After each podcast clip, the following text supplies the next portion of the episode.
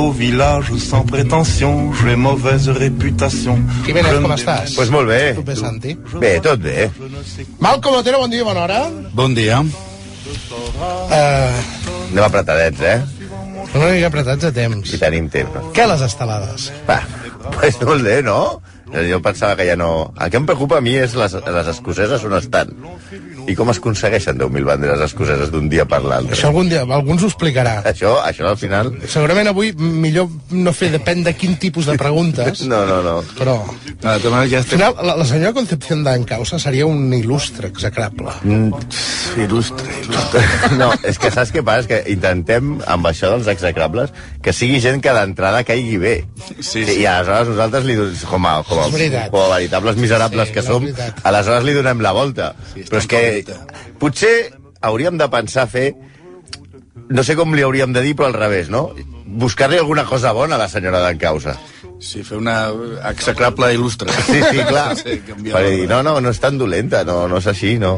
La, la senyora... Per ara, fora d'antena, dèiem al Santi que amb això de les estelades estem convençuts que hi ha un infiltrat del, del, de, no sé, de, de l'Associació Nacional Catalana al PP o alguna cosa. Això, això no pot ser que el PP faci aquestes coses. És impossible. No, no, no ningú s'ho creu. És una manera de, magnífica de, de crear-se de crear-se ells un, un gran problema on no hi havia problema. Sí, sí, a ningú li importava i... A, avui, avui desmuntarem un dels mites Frida Kahlo, però Frida Kahlo, que és Magdalena Carmen Frida Kahlo Calderón. Calderón. On ajuda amb el partit? Mira, va, mira. Oh! Ostres, Oh! això, això, en això no havia caigut, No, eh? ja sí. Bueno, va, a Mèxic, a Mèxic Calderons deuen haver-hi... Doncs començant per l'expresident, clar, clar, clar, deuen haver-hi bastants. Però sí, sí, el que no hi ha és Calos, imagino, no? Però... També però... la presidència del Real Madrid. Vull dir que hi ha molts calderons. Ja, sí, sí, clar, Calderón també era president del Madrid. Per què hem de fer Frida Kahlo avui? Mira, perquè, a veure, és... Primer perquè no feien masses dones. O sigui, sempre... Eh, I és veritat que la gent que escolta el programa i tal, deien, ostres, no, no poseu mai cap dona. I només la Mare Teresa, i ja amb la, que- amb la que vam liar, ja potser... Però com estem parlant d'una santa, ja no estaria tant en el, la qüestió de dones. Aleshores van dir, "No, anem a buscar, i aquesta setmana i la pròxima farem, farem dones. Ja he- hem ampliat l'espectre, però realment, fins i tot en els dolents, els homes guanyen a les dones, òbviament. Les dones són millors i ens ha costat més trobar dones, dones, dones execrables com les execrables que hi han a patades. Com hem de definir Frida Kahlo? Com hem de definir? Pues, home, una senyora que va viure una, una situació molt complicada físicament i un mite... i es va grillar, es va grillar i no, no va tocar quarts ni hores i després ha passat com una gran defensora del feminisme quan en el fons eh, jo diria que no La, la prova, Ah, del, ja, ja, ara la prova del cotó no la passa. la prova del cotó del feminisme no la passa, tot i que és un gran referent per moltes feministes. I després, diguem-ne, que fruit de la seva època, com tota aquesta gent que estava convençuda que el comunisme i l'estanilisme, concretament, eren, eh, era, vamos, era Disneylandia, allò. Frida Kahlo, la il·lustre execrable d'aquest matí al Viallí. En laissant courir les voleurs de pommes, mais les braves flancs n'aiment pas que l'on suive une autre route que. Non, les braves flancs n'aiment pas que l'on suive une autre route que.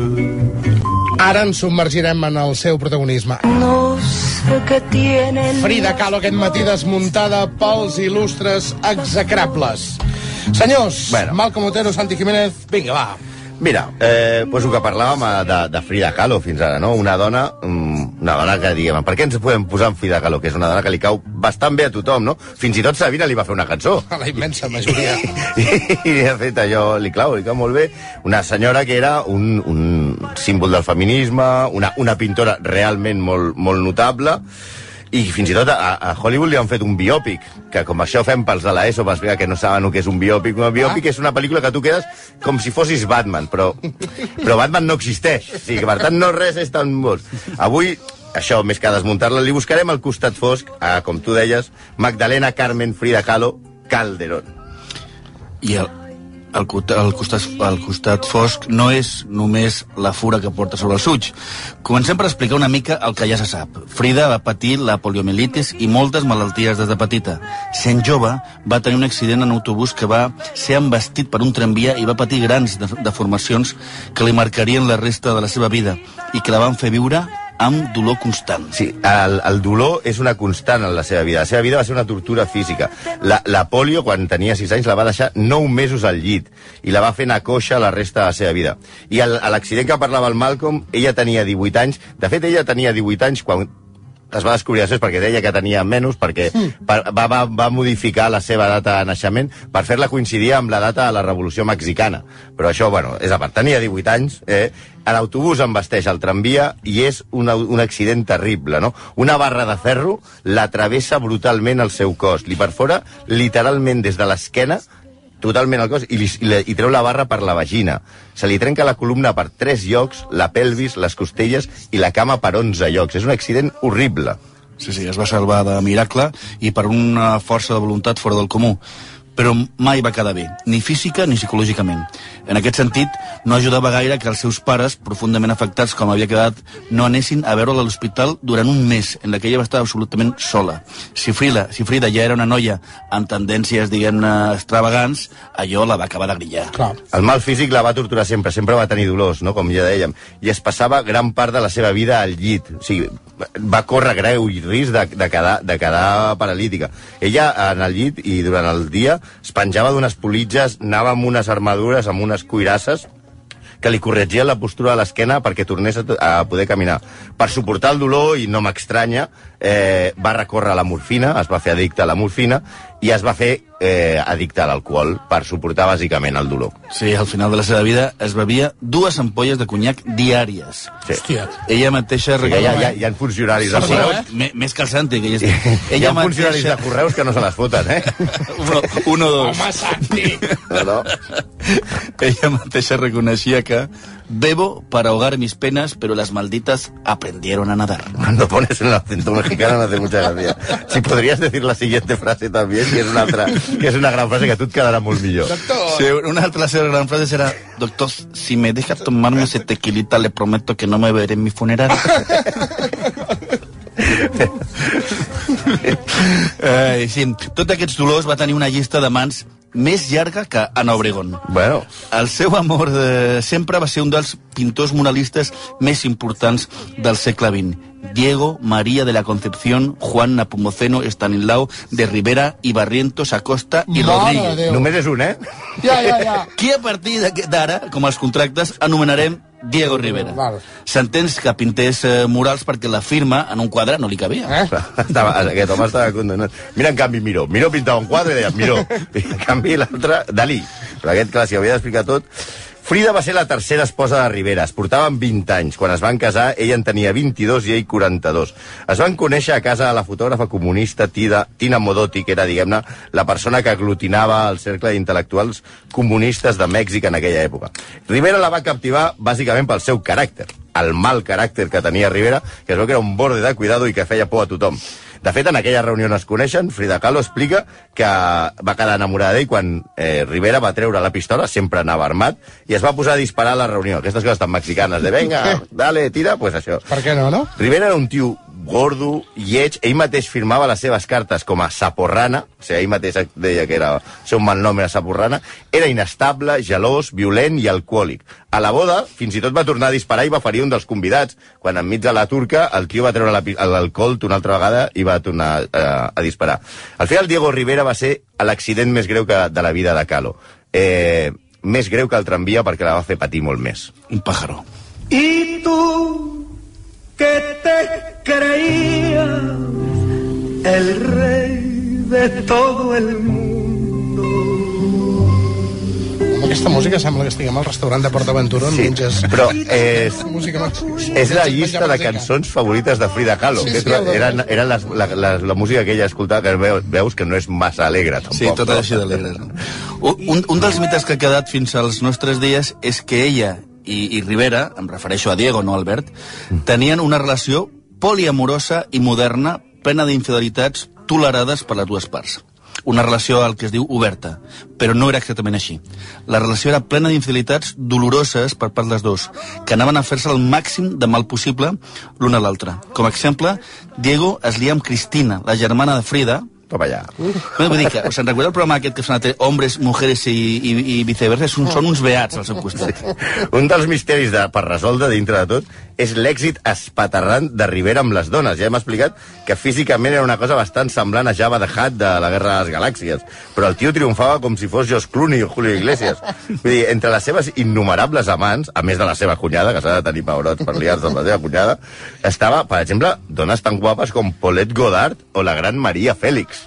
Sí, sí, però Frida, per la seva banda, es va enllitar amb el cirurgià californià Leo Elser, amb el mecenes Heinz Berggruen, Be, Be, Berggruen que té, un, té molta nom- relació nom amb uns mitjans... ciclista, té nom de ciclista.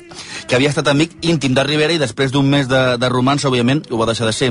El fotògraf Nicolas Murray, que, el Això que va... potser eren xafarderies de l'època, no? No, No, no, no, ella ho explica. està documentat. Sí, sí, ella, Sí, sí, sí, no? ella ho explica. I els seus amics, a més a més, ho feien directament davant un de l'altre per intentar fer-se el màxim de mal Sí, possible. perquè a més ella ja veurem que, que a més s'enamorava de veritat. El, el fotògraf Nicolás Moreno, que va començar un romanç al poc de casar-se amb Rivera, amb l'escultor Isamu Noguchi. Aquest gairebé mort d'un tret quan els van xampar Diego Rivera pistola en mà. Diego Rivera va exigir acabar amb aquest ajuntament carnal i, i el romans o disparava els dos al cap. Aviam, molt tolerades aquestes infidelitats no semblen. Per ampliar estadísticament el seu espectre de les seves conquestes, eh, bàsicament, va dir, eh, i competir amb el seu marit, Frida també va decidir que també s'enllitaria amb dones, com la pintora Georgia O'Keeffe, i dintre dels amants també hi ha un català. Els catalans també arribem a, a Frida Kahlo. A veure? Josep Bartolí, pintor i escriptor, del qual es, la Frida Kahlo es va enamorar als Estats Units. Cal dir que Frida s'enamorava molt, no era només sexe. Com a exemple, a Eliezer li escriu les cartes Te adora tu Frida. A Moré li diu No puedo quejarme de nada en la vida mientras tú me ames y yo a ti. I a Bartolí diu Siento que te quiero desde siempre. Els catalans sempre han deixat més, més, Quan- més petjada que els altres. Quan de tant en tant coincidia al llit amb el seu marit, les seves relacions eren, per dir-ho de manera suau, peculiars. A ella li encantava de Rivera que era gordo i tenia pits de dona, mentre que a ell el que l'excitava de Frida era el seu bigoti. Un dia se'l va, se va afaitar i van tenir una bronca sonadíssima. I més enllà dels aments, què? Mira, deixant de banda assumptes amants, com Sabela Vargas, anem a la part política, però també està relacionada amb, amb el sexe. Perquè Frida Kahlo va ser amant ni més ni menys que de Leon Trotsky, quan Trotsky vivia a Mèxic. Diuen alguns experts que va poder ser amb venjança per l'afer de Diego amb la seva germana, aleshores ella es va liar amb Trotsky. Ha, si busqueu per YouTube ja, i per Google hi ha moltes fotos de Frida Kahlo amb Trotsky. Rivera es va assabentar i com era molt gelós i estava mig grillat, va amenaçar Trotsky. I aquí es va acabar la relació. El, els, els, el matrimoni tenia molta relació amb Stalin. Quan Stalin va posar-li, aniria a la creu, però seria més aviat la fals, i el martell sobre el cap de Trotsky, eh, eh, ja es van separar totalment. Fins i tot en el grup d'intel·lectuals que hi havia a, a Mèxic, eh, van anar a per Trotsky. Fins i tot el, un amic del matrimoni, un altre pintor que es deia David Álvaro Siqueiros, va intentar matar Trotsky a trets, però es va poder amagar sota el llit. Després, i aquí ja tornen a aparèixer els catalans, un altre català, Ramon Mercader, el va matar amb un piolet. Piolet no és una piulada d'aquesta d'un trol, sinó per als de l'ESO, és un pic per escalar. Sí, home, un piulet. Bueno, gent que no ho sap, tu. Hi ha un piolet, una piulada, no. com ara això del Twitter està de moda, vés a saber. El dubte de que el matrimoni col·laborés amb l'assassinat de Trotsky va penjar durant anys sobre el matrimoni Rivera-Calo, encara que ells ho van negar sempre. Però l'odi de Rivera era tan gran que molts investigadors de la seva vida donen per fet que d'alguna manera estava eh, relacionat amb, amb Mercader. Sí, la veritat és que Frida va ser estalinista convençuda, fins i tot després de saber els crims, els crims del camarada Stalin. Per si de cas, va escriure que mai havia estat trotskista i que estimava a Stalin i Mao. Sí, sí el del coll de les camises. Mao també té collons. com a pilars del nou món comunista. El seguit tenia, com si fossin estampes de sants, les fotos de Mao, Stalin, Marx i Engels. També es, es fa un famós autorretrat amb la imatge de Stalin darrere. Stalin va morir l'any 53 i aquest quadre és de l'any 54. L'any següent. Fins i tot a l'arxiu de Rivera s'han trobat algunes cartes enviades de, de Stalin, o sigui, escrites pel mateix Stalin. Com es diu en castellà, dime con quién andas. I te diré. Sí, eh, és que Frida Kahlo va trobar en el comunisme, com era atea, òbviament, com, com, com a bona comunista dels d'abans, eh, eh, no hi havia papes moderns, sinó si eres comunista eres ateu. Això és una cosa que ho hem perdut bastant. Això el Delgado t'ho podria explicar molt Eh, millor que jo. Estava pensant el mateix. Eh? el, el, el, els comunistes eren ateus ella va trobar en el comunisme la seva força per superar les seves malalties que la turmentaven. Ella es pin- pintava des del llit, perquè ja hem dit que gairebé no podia caminar, amb un mirall es pintava autorretrats perquè deia que era la persona que millor es coneixia. I a dintre dels seus autorretrats, que es pinta destripada o plorant, sempre hi ha una frase darrere que posa el marxismo dará salud a los enfermos, o es dibuixa ella podent caminar agafada de la mà de Karl Marx. Sí, ja es veu que entre la morfina, l'alcohol, el mal físic, la perla que tenia com a marit i les excentricitats dels artistes de l'època, Frida no estava massa bé del cap. Un petit detall. A causa de l'accident no podia tenir fills, tot i que ella ho va intentar i va tenir quatre avortaments. Uh -huh. Tampoc ho portava massa bé i la seva habitació tenia un fetus dins d'un pot conservat amb formol. Quin mal gust, Sí, Déu meu. ja s'havia riat una miqueta. Una altra de les virtuts atribuïdes a Frida és la de ser la pionera del feminisme. Però clar, ja veiem que sí que és veritat que és una dona eh, lliure, que gaudia de la seva sexualitat, que no era pudorosa, però que va aguantar fora de mida el que avui es coneix com una relació tòxica. O sigui, Diego era un maltractador i ella estava absolutament absorbida per, a, per, a, per aquest home. Mira, una carta que li escriu una vegada. Això ho escriu Frida Kahlo a Diego Rivera. Te escribo para decirte que te, liber- que te libero de mí. Vamos, te amputo de ti. Se- seré feliz. No me busques jamás. No quiero volver a saber de ti, ni que tú sepas de mí. Si de algo quiero tener el gusto antes de morir, es de no volver a ver tu horrible i bastarda cara de malnacido rondar por mi jardín. Bé, és una manera que jo, després de que em diguin això, entenc que ho hem deixat.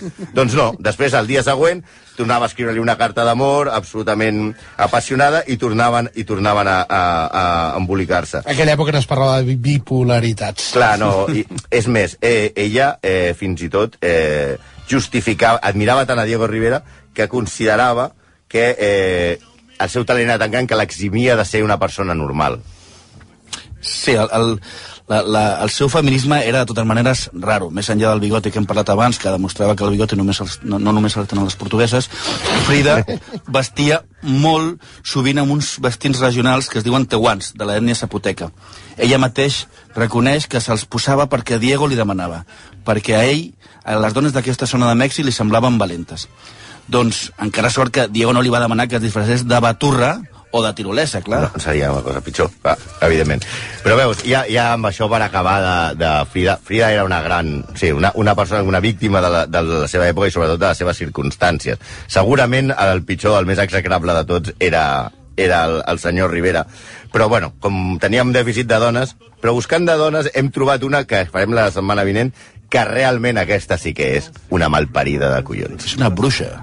La bruixa Laura Reading, la dona de Robert Graves, l'immortal autor de Jo Claudi, al qual li va amargar la vida tant com va poder. Serà la il·lustre execrable de la setmana entrant. Em quedo amb aquesta frase, eh? Te amputo de mí, sé feliz y no me busques jamás. No quiero volver a saber de ti, ni que tú sepas de mí. Si de algo quiero tener el gusto antes de morir, es de no volver a ver tu horrible y bastarda cara de mal nacido rondar por mi jardín. Colpidor. Un no like en Facebook. Senyors, bon cap de setmana. Adéu. Tout le monde viendra me voir pendu. Via lliure, amb Jordi Armentera. Bien entendu,